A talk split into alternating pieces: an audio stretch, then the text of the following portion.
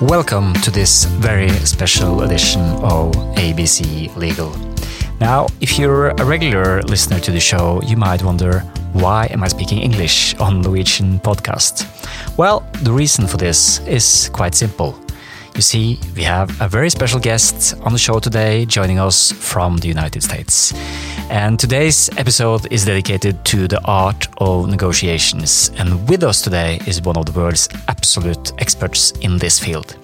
He is what you might call a negotiations superstar.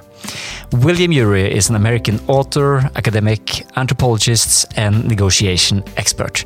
He co founded the program on negotiation at Harvard Law School, and together with former US President Jimmy Carter, he co founded the International Negotiation Network, a non governmental body seeking to end civil wars around the world. And uh, former President Jimmy Carter once said about uh, to get today's guest that Bill Ury has a remarkable ability to get to the heart of a dispute and find simple but innovative ways to resolve it.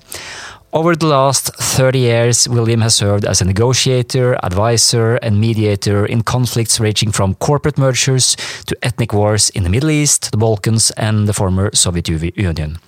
During the 1980s, he helped the US and Soviet governments to create a nuclear crisis center designed to avert an accidental nuclear war. In that capacity, he also served as a consultant to the Crisis Management Center at the White House. More recently, William has served as a third party in helping to end the civil war in Aceh in Indonesia and has helped to prevent one in Venezuela. Last but not least, he has been heavily involved in the process of getting to peace in Colombia. Back in 1981, together with the late Roger Fisher, he was the co author of the classic title Getting to Yes Negotiating Agreement Without Giving In. Getting to Yes has been translated into more than 30 languages and is widely recognized as the book on negotiation. The book Getting to Yes Alone has changed the way countless people negotiate at home with their loved ones, at work with their colleagues, and the way nations negotiate with each other. William Ury has trained tens of thousands of people on how to conduct constructive negotiations. And today he's here to train and guide you in the art of negotiation. I am so humbled and grateful to welcome Mr. William Ury to ABC Legal. And we must, of course, start this interview with Colombia. In November 2016, a revised agreement was signed between FARC and the Colombian government. And on the 10th of December, President Juan Manuel Santos will receive the Nobel Peace Prize here in Oslo, just uh, a couple of hundred meters from where I'm sitting now. And William, first of all, welcome to the show and also congratulations on all the success of getting to peace in Colombia. Eivind, it's a great pleasure to be on this podcast and to be speaking to your audience. And uh, and it's uh, it's been humbling to actually uh, participate as an advisor in this process. To watch a over the last five years, to watch a conflict that was widely regarded uh, as impossible or intractable, a, a war that's been going on for 52 years, to watch it slowly becoming possible uh, that that one could end a war like that and uh, and it's still in process there's still uh, it's still a messy process but it's it's astonishing to see the the progress and a lot of it I must say has come with the help of your country of Norway that is just so great to hear. Um, would you say that uh, the Peace Prize also has helped in the finalization of the peace agreement? It, it, it has, but also, but Norway from the very beginning has served as a as a facilitator and a of, of the talks in in Havana. Uh, played an extremely important role in in um, in in witnessing and helping the talks get back together when they were coming apart a little bit. So Norway has played a very important role on the side of, of, of these talks. Yeah, thank you for mentioning that. And I think actually that uh, a lot of people listening to this podcast will be a bit surprised to hear that uh, Norway had an active part in uh, supporting and facilitating the negotiations uh, in Colombia. But uh, now I must uh, ask you, since you're here on the podcast, and I've just been been, been so interested to hear this. Uh, uh, with such a serious conflict as the one in Colombia, and of course as the many uh, conflicts you've been involved in before, but but now let's turn to Colombia. Where do one start when you try to to uh, get the parties together and try to talk together and try to negotiate an agreement in a war that has been going on for like more than 50 years, which is the the situation in Colombia with uh, several hundred thousand casualties uh, after all the all the violence. Where do one start? Yeah, the you know this this war in Colombia is actually. Um, if you if you want in the in the broader picture, it's it's a series of wars of interconnected wars all across Latin America that started in the in the 1960s that were came out of the Cold War and came out of uh, Marxist, Marxist uh, insurgencies uh, in response to social injustice in the in, in in in in this whole region. And the war in Colombia is the last one actually. So it's the end of a of uh, and so in, in that broader case there have been hundreds of thousands perhaps uh, close to a million people have died in this in these wars that are now coming to an end with the war in Colombia. It's also uh, remarkable that this is the last war in the entire hemisphere. Uh, uh, and and that actually gives rise to the question of if it is possible for us as humanity to put an end to war in one hemisphere. Is it possible, is it conceivable to imagine putting an end to war in both hemispheres, namely in the entire world? Uh, so to me, it, it, actually is a story of, of, of, hope. Now, where it all begins uh, is at least my, my, my involvement. I, have been going to Colombia over the years a number of times, and I'm thinking of how impossible and tractable. But but about five years ago, I received an invitation from the Colombian government, specifically from President Santos, to come and just uh, talk with him about what what we know from the ending of wars in other parts of the world. What are the best practices for ending wars? And I've been privileged ever since for the last five years to serve as a small team of people who have had experience in wars around the world, whether it's wars in the Middle East or uh, wars in Northern Ireland uh, wars in Central in Central America to see if we can bring to bear the what the lessons have been of ending those wars, so that the so that the Colombian peace process could benefit. William, this is uh, very interesting, and it just uh, makes me wonder: um, Is there any lessons here that uh, we can, and people listening to the podcast can can transfer to their daily lives? Yes, uh, a number of lessons, but one is uh, very importantly, uh, we began five years ago uh, by asking the question what is it that the other side really wants? you know, looking behind the positions that people take, what are their underlying interests? What are their what are their deepest needs? And we we tried to, you know, work in some sense, it's good to work uh, from the end backwards. In other words, we I, I asked uh, the the negotiators uh, they, who were going to negotiate with the FARC in a very secret way initially, because the first phase of the talks were very confidential. Uh, I asked them, okay, let's just imagine we're at the end of this process and we've reached an agreement and uh, the leader of the FARC is making a speech explaining to his people, "You've been fighting for 50 years. Why are we agreeing to end the war, lay down our weapons?" Uh, you know, what's what's the speech that that person could give, and what's the speech similarly that the president of Colombia could give, explaining to people why the war is coming to an end and and how this is a victory for for all of Colombia and all Colombians.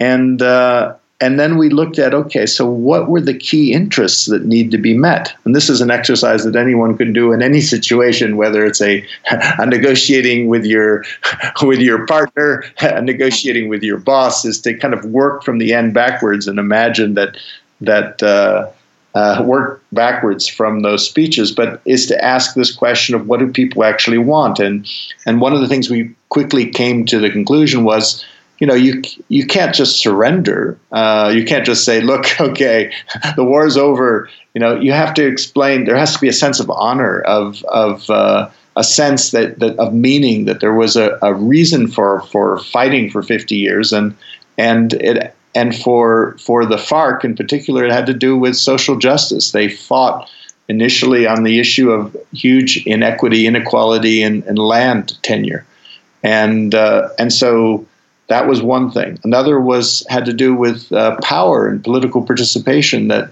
that essentially they they wanted to to kind of shape the politics of of Colombia. So we had to we had to think, okay, so we built an agenda based on land reform. Uh, let's talk about because the government also was interested in land reform. How can we reform the land and bring greater social justice to to Colombia? How can we design mechanisms for greater amounts of political participation so that the so that you don't fight with bullets, you fight with ballots, you fight in the voting in the voting booth, but with with, with democracy.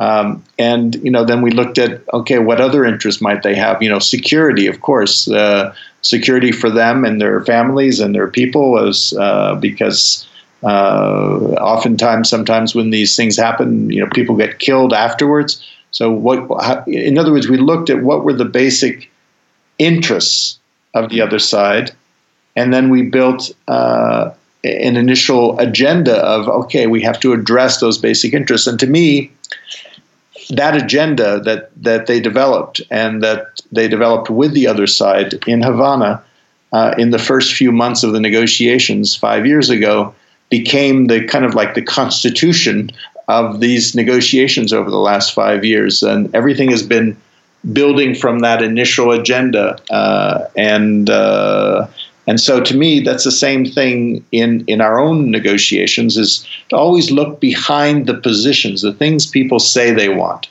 Uh, why are you fighting? You know, why why are you? What's your what is your core interest? You know, if if someone for take a simple example, someone goes in and they're asking for a, a salary raise to their boss. You know, why do you want the raise? You know, is it uh, is it because money is the position, but what's behind that? And maybe it's recognition. Maybe it's that you it's it's it's equity that you feel that other people are being paid more for the same job. Maybe you have a health need, or you have some kind of financial need, or your child is, is need, needs some help. Think about what those underlying interests are. Once you can define it in terms of the underlying interests, then it becomes much more possible to come up with creative solutions that benefit both sides. Uh, another one I might just mention uh, because you asked, you know, what, what is trust? You know, so much of the um, of the there was huge distrust between the government and the FARC. Obviously, when you're fighting, there's huge distrust in Colombia.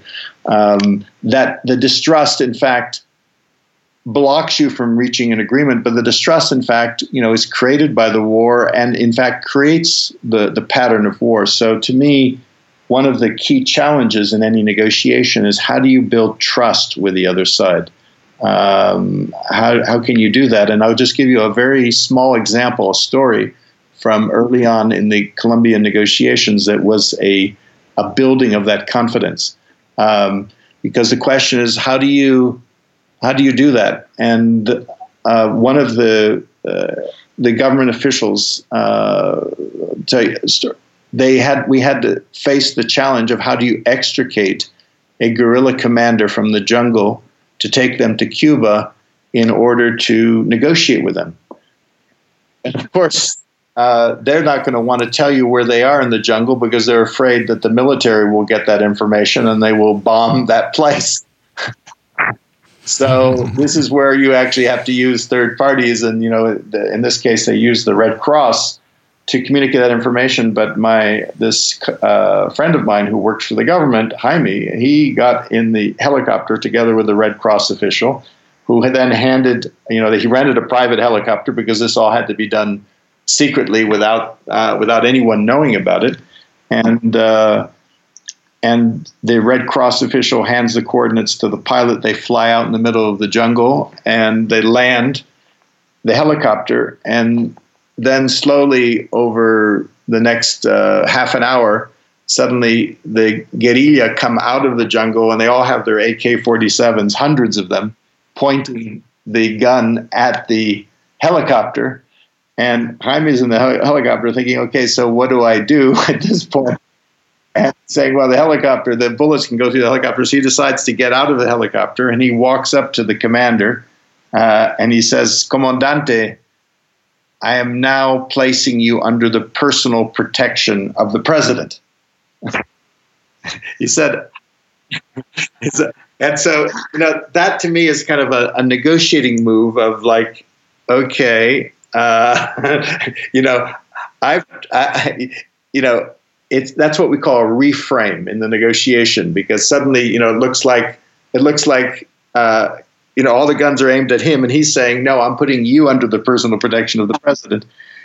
But it was also a question of trust. He entrusted, you know, he made himself vulnerable. You know, I, I might be killed, but then he invited the commander to get in the helicopter, and every and a lot of the guerrillas were saying, "This is a trick, and the helicopter will fly you off to prison." But the commander decided to trust him because he had trusted the commander, and the commander got in the helicopter, and they flew off to. Uh, uh, eventually flew off to, to, to, Cuba and the negotiations began. But it all begins with an act of mutual trust like that. And I think the same lesson applies in our personal relationships. If we have a problem with our with our spouse or uh, or our children or, or our, our business colleague, a lot of it has to do with how do we how do we build the trust within which we can reach an agreement your involvement uh, with the FARC negotiation, that is just one very recent example of how you have used all these principles, and you talked about some of them now. Uh, the the focus on interests and the reframing, which was such a vivid uh, example there. Um, I recognize some of these uh, techniques from the classic book uh, Getting to Yes that you co-authored with uh, Roger Fisher some three and a half century ago. The book is, of course, it's it's a classic. And uh, can you tell us uh, uh, why do you think it is that Getting to Yes have had such a tremendous success and been so important for, I mean, for negotiation and mediation all over the world since it was published? Well, yes. I've often asked myself that same question when uh, when Roger Fisher and I were working on the book originally uh, 35 years ago, uh, together with Bruce Patton, the um, we had no idea that this book would would be as uh, successful as it has become. But I, I, think it's because we we were trying to bring together uh, the principles of make that make for success in negotiation that are in some sense, they're common sense, but I would call them uncommon sense in the sense of it's common sense that is uncommonly applied, like you know, looking behind positions for interests, like mm-hmm. you know, separating uh, the people, the emotional, the relational dimension of the negotiation from the substantive uh, dimension, so that you can simultaneously be soft in dealing with the people, gentle with dealing with the people, respectful with dealing with the people, while you remain hard in making sure that you solve the problem in a, in a good way that works for both sides.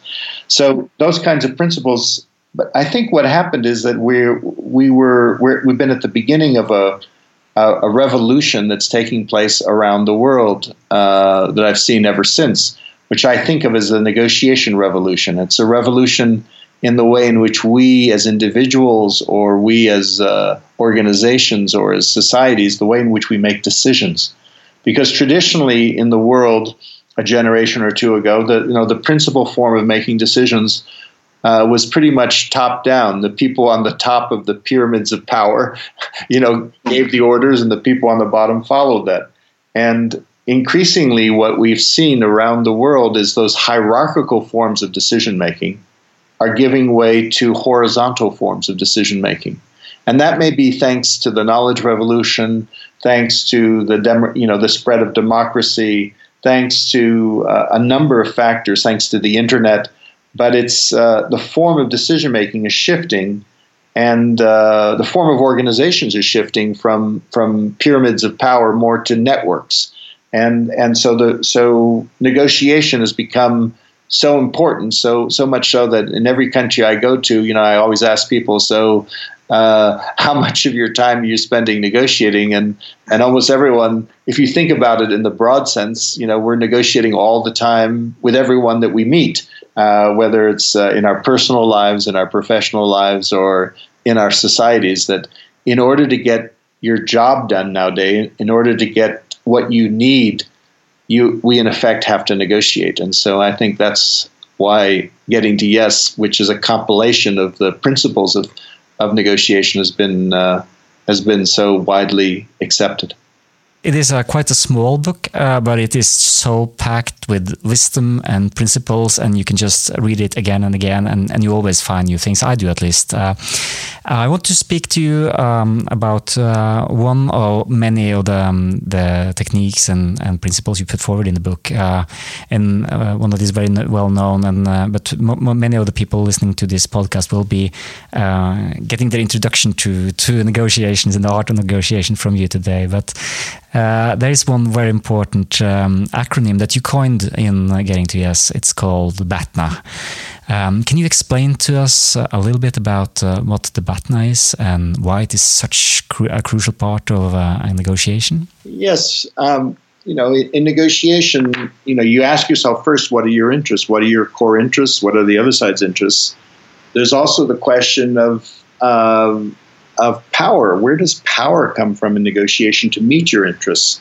And power comes from many sources in negotiation, but perhaps one of the greatest sources of power that we need to understand is the power of what we call a good BATNA. BATNA is an acronym standing for your best alternative to a negotiated agreement. It's essentially means your walkaway alternative. What are you? It's the answer to the question how are you going to satisfy your interests if for some reason you are not able to reach agreement with the other side? And knowing what your BATNA is and developing it gives you a sense of confidence. If, for example, you are take you are looking for a job and you're going to have an interview and you're going to be talking about salary and you only have one possibility you know you don't have any alternative you can imagine how that negotiation goes you're likely perhaps to accept anything that they offer as long as it's minimally reasonable. But it, let's imagine that you've taken the intervening week before the interview to really ask yourself, what's my BATNA? What am I going to do if I don't get that particular job? Am I going to look for a job somewhere else, maybe perhaps even another city? Am I going to go back to school and get more education so that I can be in a better place? How am I going to satisfy my basic interests if I do not get that job? Let's imagine you have an alternative, maybe even another job offer. Then you negotiate. Uh, then you go into that job interview and, and negotiation about salary. You're going to negotiate with more confidence because you know you have an alternative. So BATNA means confidence. It means uh, it means that you're not so dependent on the other side that you have to give in to them if you have an alternative. And so BATNA turns out to be an extremely important concept in negotiation because every negotiation takes place in the shadow of what will happen, how each side will satisfy their interests if they're not able to reach an agreement.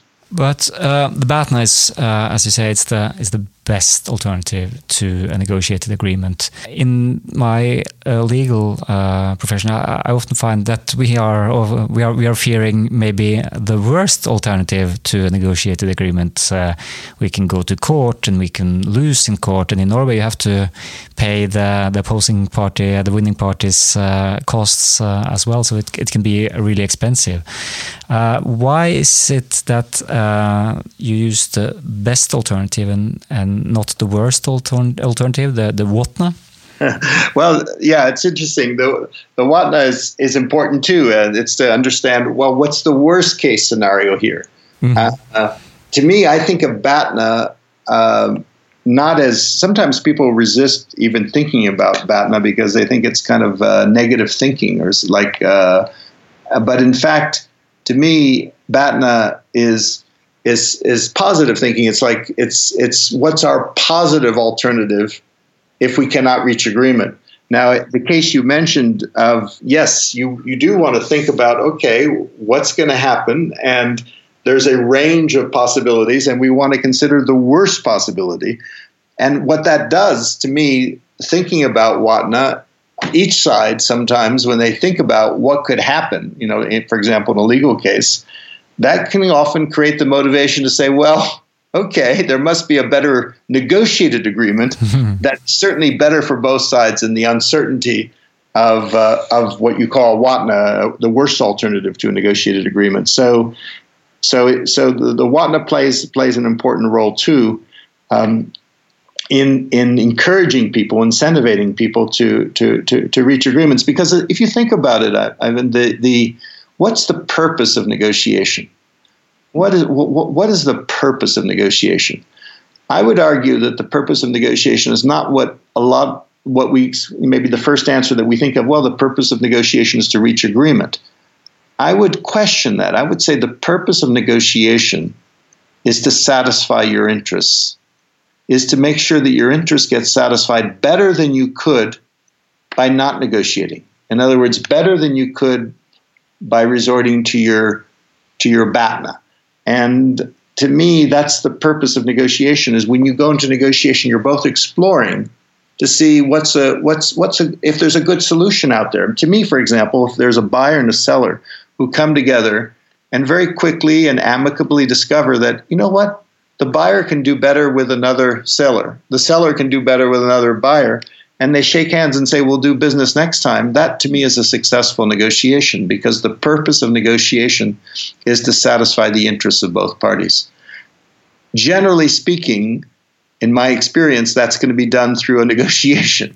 Uh, negotiation, you know, uh, and, and oddly enough, paradoxically enough, I think that if people think through their BATNAs, including their WATNA, their, their worst alternative to negotiation, they're going to end up with uh, with better and, and easier negotiations than if they haven't thought about their alternatives at all.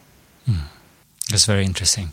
Um, can I ask you, William? Uh, you have been in so many negotiations. Uh, how do you prepare for negotiation, uh, aside from maybe, uh, of course, uh, assessing your BATNA?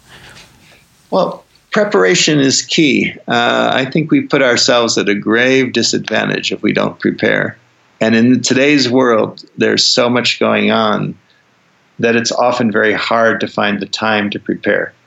My guess is that if you only have an hour to settle a particular issue, both sides you will end up with a better agreement if both sides take 30 minutes, half the time, to each prepare and then they talk for 30 minutes than if they talk for all 60 minutes. That's how important preparation is. Because preparation is time to, I, I, call it time on the balcony. It's almost like you're negotiating on a stage. Part of your mind goes to a mental or an emotional balcony overlooking that stage, which is a place of perspective, a place of calm, a place of clarity, where you can keep your eyes on the prize. What is it that you really want? And so for me, that's what you do when you prepare.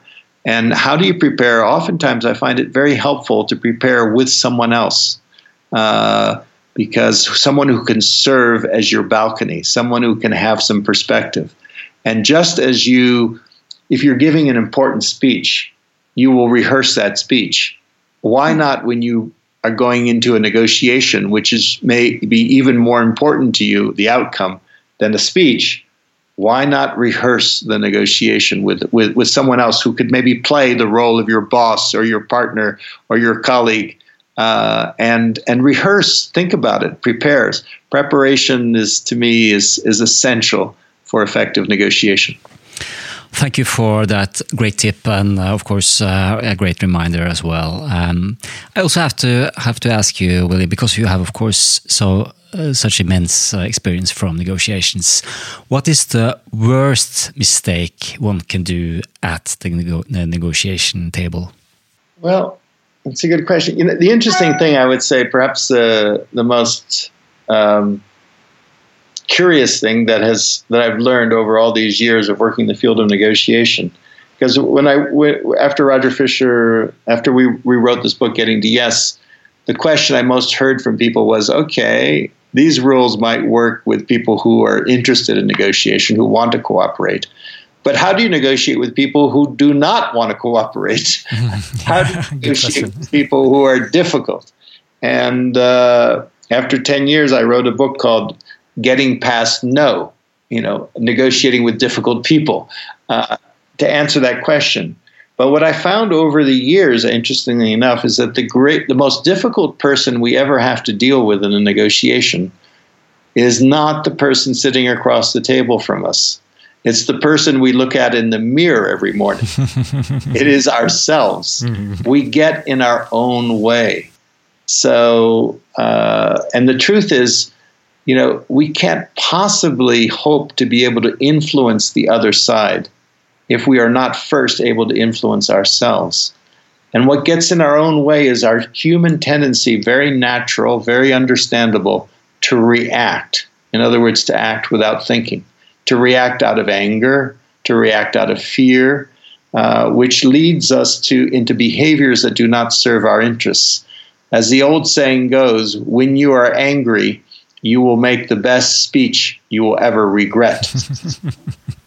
and I find that that happens a lot in negotiations. So that's why uh, uh, my, my latest book is actually about on that subject of how do we get to yes with ourselves so that we can then get to yes with others and it is uh, a fantastic book. I had uh, the pleasure of listening to the audio version uh, this spring. I went uh, for a trip to the mountains, uh, and you were with me in the car all the way. And uh, because you read you read, you read the book um, by yourselves, and it's it's um, such a nice book with such so much wisdom and all the all, all the stories that you share in the book is just fantastic, and it's also food for thought uh, about how one, as you say, um, get to yes with uh, ourselves. But uh, and I know we are very limited on time here. You are probably uh, soon off to another uh, commitment. Uh, but can you very briefly just share with us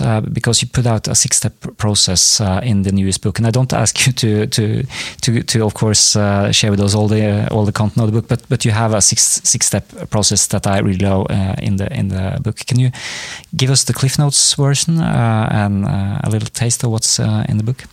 Yes, for sure. It's it's like if we want to change the outer game of negotiation uh, from a win-lose negotiation to a win-win negotiation to a co- from confrontation to cooperation, it begin the work begins by changing the inner game, the game inside of ourselves, and and um, and it begins by going to the balcony. Uh, begins by us being able to suspend our normal reaction. Uh, it begins by us being able to observe our our emotions, to observe uh, what what's getting in the way. By being able to observe it, by being able to recognize it, we're able to neutralize that impact, so that we don't give that speech we will later regret. And then, to me, you know, one of the keys in negotiation, uh, of successful negotiation, if you look at the behavior of successful negotiators, is to be able to listen to the other side. And I find that, uh, I mean, that's the key is the ability to put yourself in the other side's shoes. Because how can you possibly change someone's mind if you don't know where their mind is? And yet, what I find is it's very hard for us to be able to listen, particularly in um, difficult situations. Why is that? Because we haven't first listened to ourselves. So the first step after we've gone to the balcony is to put ourselves in our own shoes and really ask ourselves, what do we really want here? What what is it that we really want? Uh, and oftentimes we don't ask that question. We we you know we take our position. I just want some more money. But why do you want the more money? What is it that you really want? And uh, and then understand that in fact, uh, in developing a BATNA, for example, we want to develop a BATNA, but there's there's an inner BATNA, which is uh, a commitment we can make to ourselves that no matter what, we will take care of our basic needs. If we can have that kind of confidence, then we can negotiate with a lot more freedom because we are not so dependent on the other side. And the ability to reframe, uh, as we talked about, it is absolutely key. Uh, but it starts with reframing our own picture uh, for example, going back to that story of Jaime, you know, he was able to reframe. If he had seen the the guerrillas as his enemy, he was able to reframe them as they're, they're, okay. They have their guns pointed at me, but they are potential partners. They're potential people to collaborate with, to to negotiate with, to to cooperate with. That internal reframing allowed him to change the external game and get the negotiations started that have now led to a successful agreement. So all of those things happen inside of us. It's about changing our inner mindset to enable an outer process of cooperation. So those are those are some of the steps there in, in getting to yes with yourself. There's a lot more, but it's it's about this internal work that we do inside of ourselves that then allows us to to get to yes with others around us in the external sense. Okay, uh, William, thank you so much for uh, sharing with us all these stories and all this wisdom. And uh, and as I said, uh, getting to yes with yourselves, it's uh, such a good book, and I recommend it to everybody. Uh, on the end note here, there's one story in in getting to yes with yourselves that is very personal for you, William. and it's about your daughter Gabi. Um, you tell the story about uh, how she was born with uh, some uh, difficulties and how she has struggled uh, and succeeded. Can you share with uh, us uh, the story of Gabi and how she went on to become a very successful and, and, and a TED speaker and, and everything? Yes, I, with, with pleasure my, my daughter Gabi, she was born, uh, she's 18 now, and she um, uh, she's been one of my greatest teachers in in learning uh, and teaching me how to negotiate with myself, to get to yes with myself, in order to get to yes with others. And she um, she was born uh, 18 years ago with many many uh, uh, congenital structural abnormalities that affected her limbs, her organs, everything. The, the doctors weren't even sure she was going to be able to live and uh, she went through many, many difficult surgeries, over 15 major surgeries on her spine, on everything. Uh, and the one thing that Gabi has, though, is she has an indomitable will uh, to. Uh, and one of her dreams early on was she wanted to be in the book, uh, the Guinness Book of World Records. And so she, when she was uh, nine or ten, she you know she tried the longest hopscotch course, the, children's game, and she tried most socks on one foot. But somehow, uh, when she was uh, when she was fifteen.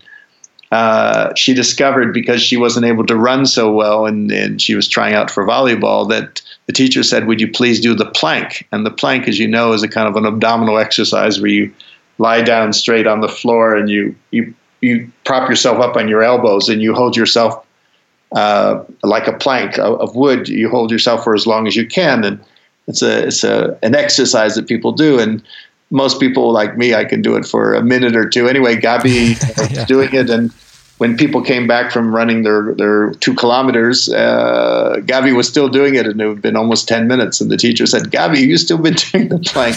but Gabi realized she had a she had a she had a some kind of capacity to do this, so she started training. And you can't get into the Book of Guinness World Records until you're 16. So she decided on her 16th birthday to go for it. And on her 16th birthday, she uh, the, the, the world record she had sent away from was like 40 minutes holding yourself in that position for for women. And on her birthday, there with the, we had some cameras set up so that we could record it in case she was able to to beat the record. She went for an hour and 20 minutes. Uh, she was able to. So the next week, she was on Good Morning America, which is a big television show here in the States, and she was uh, handed the, the, the, Guinness World Record for, uh, for the longest abdominal plank. And then she went on, as you mentioned, to, to give a TED talk about it, uh, which is available, and, uh, and her name Gabi Ury U R Y at uh, uh, whatever TED talk, and she she talks about that story. But to me, it, it was, and she did it. Uh, what, one thing that really motivated her to do it was she used it to raise money for the children's hospital where she'd had many of her surgeries, so that she could help other children who have similar conditions as hers and uh, and through the website, she set up this whole little website, and she was able to raise over fifty thousand dollars for for the uh, for the children's hospital by by doing this plank. So to me, it was uh, just a wonderful, uh, as you can imagine, as a father, uh, very moving experience of watching this person, this watching my daughter. She watch her overcome her own her own you know uh, any kind of challenges, but she she she overcame them.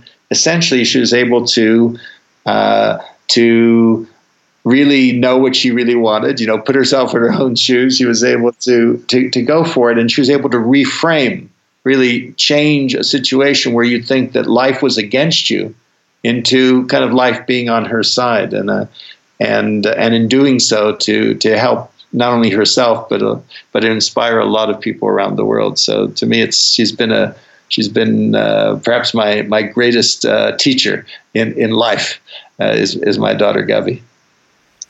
William, thank you so much for sharing this uh, story and and for uh, all the knowledge you've shared with us today and all your inspiration. Uh, and I'm sure that uh, everyone listening is now ready to head on over to uh, Amazon or Kindle or whatever to to uh, check out all your books if they haven't already.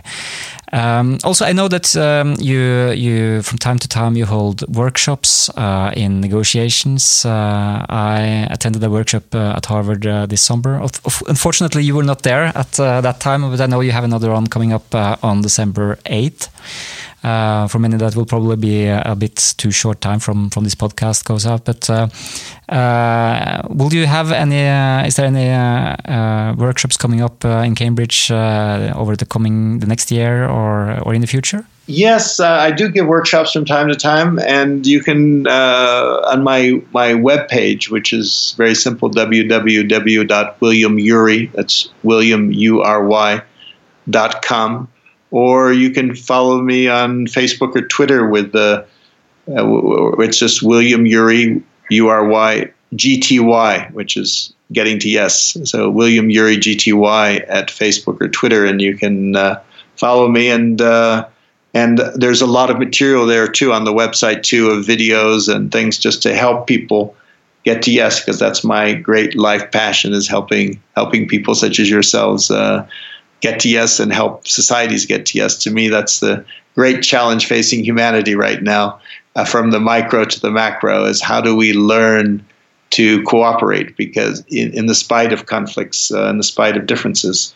because I believe that there's no problem in the world so great, whether it's uh, climate change or whether it's uh, economics or hunger or war, that we cannot solve if only we can learn to get to yes. And that process begins with getting to yes with ourselves. So I want to wish you and, and all your listeners much success in getting to yes, both with yourselves and with other people around you. Thank you so much. We will, of course, uh, also include uh, all the uh, web page URLs uh, and and uh, and uh, uh, Facebook information, uh, etc., in the show notes. Uh, also, on, an end note here, I had the pleasure of meeting you very briefly at uh, Losby this this spring, and you signed a lot of books for us actually. So we'll have a little giveaway for the audience, and I'll give the details at the end of this podcast. So there will be signed William Ury books available for our listeners. So thank you very much for for helping out with that, also, William. My great pleasure, Ivan. A great pleasure, and I look forward to speaking with you again soon. Thank you, and thank you so much for uh, being on the podcast today. My pleasure. Du hører Juridisk ABC podkast. Det var dagens episode av Juridisk ABC, og jeg håper du klarte å overleve min eh, litt stotrende engelsk. Jeg eh, gjorde så godt jeg kunne, og håper at det var i hvert fall mulig å forstå. Williams eh, innlegg var i hvert fall klart og tydelig kommunisert. Jeg har eh, en konkurranse til deg i dag også, mulighet for å vinne bøker. Det er jo et gjennomgangstema her på podkasten, og i dag er det altså mulig å vinne bøker av William Bury, signert eh, bøker. Jeg har både Getting to Yes, klassikeren eh, som vi har snakket om i dag, og den nyeste boken Getting to Yes with Yourselves, som ble Eh, signert under eh, Oslo Forum på Losby eh, litt tidligere i år. Konkurransen er eh, veldig enkel. Vi liker å holde det enkelt der sånn, og liker konkurranser som eh, dels gjør at du kan vinne bøker, men også som støtter opp under podkasten. Og har du fulgt med over tid på podkasten, så vet du at det er én ting jeg er eh, veldig glad hvis jeg kan få, og det er tilbakemeldinger via iTunes. Så konkurransen i dag er nok en gang veldig enkel. Gå på iTunes, logg deg inn på Mac-en din eller på PC-en. Jeg tror ikke det går å gjøre dette på telefonen. Så logg deg inn der du kan sette deg ned med en ordentlig maskin med tastatur. Eh, logg deg inn på iTunes. Finn fram juridisk ABC ved å søke i podkastseksjonen. Og eh, legge igjen en beskjed, legge igjen en rating, legge igjen en anmeldelse av podkasten. Og eh, det er ikke så at du må gi full score for å være med i konkurransen, men veldig mange har gjort det, og det setter jeg kjempestor pris på. Det bidrar til at podkasten eh, blir oppdaget av stadig nye lyttere, og jo flere lyttere vi får, jo lettere er det å bygge en enda bedre podkast og få enda mer gjennomslagskraft, og ikke minst fantastiske gjester. som som William Ury, som var med oss i dag. Så for å få en signert bok, eh, eller kanskje to, ta og bønde litt, sånn at man kan få både Getting to Yes og Getting to Yes with Yourselves i signerte utgaver, så gå inn på iTunes, eh, legg inn en anmeldelse av Juridisk ABC-podkast, og så fort du har gjort det, så sender du en mail til post krøllalfa juridisk abc.no med da ditt navn og hvilken anmeldelse du la inn, sånn at jeg kan identifisere, så ikke, du, så ikke vi får noen problemer med at noen har stjålet anmeldelsen til den andre. Men, eh, men legg inn eh, ditt eh, brukernavn og hva du har skrevet, sånn at vi kan finne den etterpå. Og så er du med i trekningen. Og jeg må jo være ærlig og si det at det er som regel ganske gode sjanser for å vinne disse konkurransene. Det er ikke, det er ikke hundrevis av deltakere som skriver inn, så hvis du er raskt ute når du hører podkast, podkasten og svinger innom iTunes, så kan du veldig fort få eksemplarer av William Uris bøker. Så jeg håper mange gjør det, og jeg håper du hadde glede av denne podkasten. Vi skal holde oss i forhandlingssporet. Dette er da den første store forhandlingspodkasten med grunnleggeren av moderne forhandlingsteknikk, eh, William Ury, sammen med da Roger Fisher, som, som, skrev 'Getting to Yes'. Eh, en bok som er inspirert av Harvard-prosessen, og som er utgitt i Norge. Og ikke minst forfatter av den boken vil være tema i neste episode, så vi har eh, nok en podkast klar med da norsk gjest og norsk språkdrakt. Så hvis du vil fordype deg enda mer i dette temaet, og det håper jeg du gjør, det er et kjempespennende tema, så hopper du videre til neste podkast her på Juridisk ABC. Etter at du selvfølgelig har vært innom eh, iTunes og lagt igjen en, eh, en liten anmeldelse. Det var alt for i dag. Eh, jeg takker så mye for at du var med helt til slutten i dag. Håper å høre fra deg, og håper at du hadde glede av dagens podkast. Så er vi straks tilbake med neste episode av Juridisk ABC. Ha det bra. Du har hørt Juridisk ABC podkast. For mer informasjon om dagens tema, se juridiskabc.no. Her finner du flere podkaster og artikler innen arbeidsrett, eiendomsrett, familierett og temaer for deg som driver egen virksomhet. Meld deg på vårt nyhetsbrev på juridiskabc.no. Produsert av Øystein Weibel og Kanonlyd. Kaboom!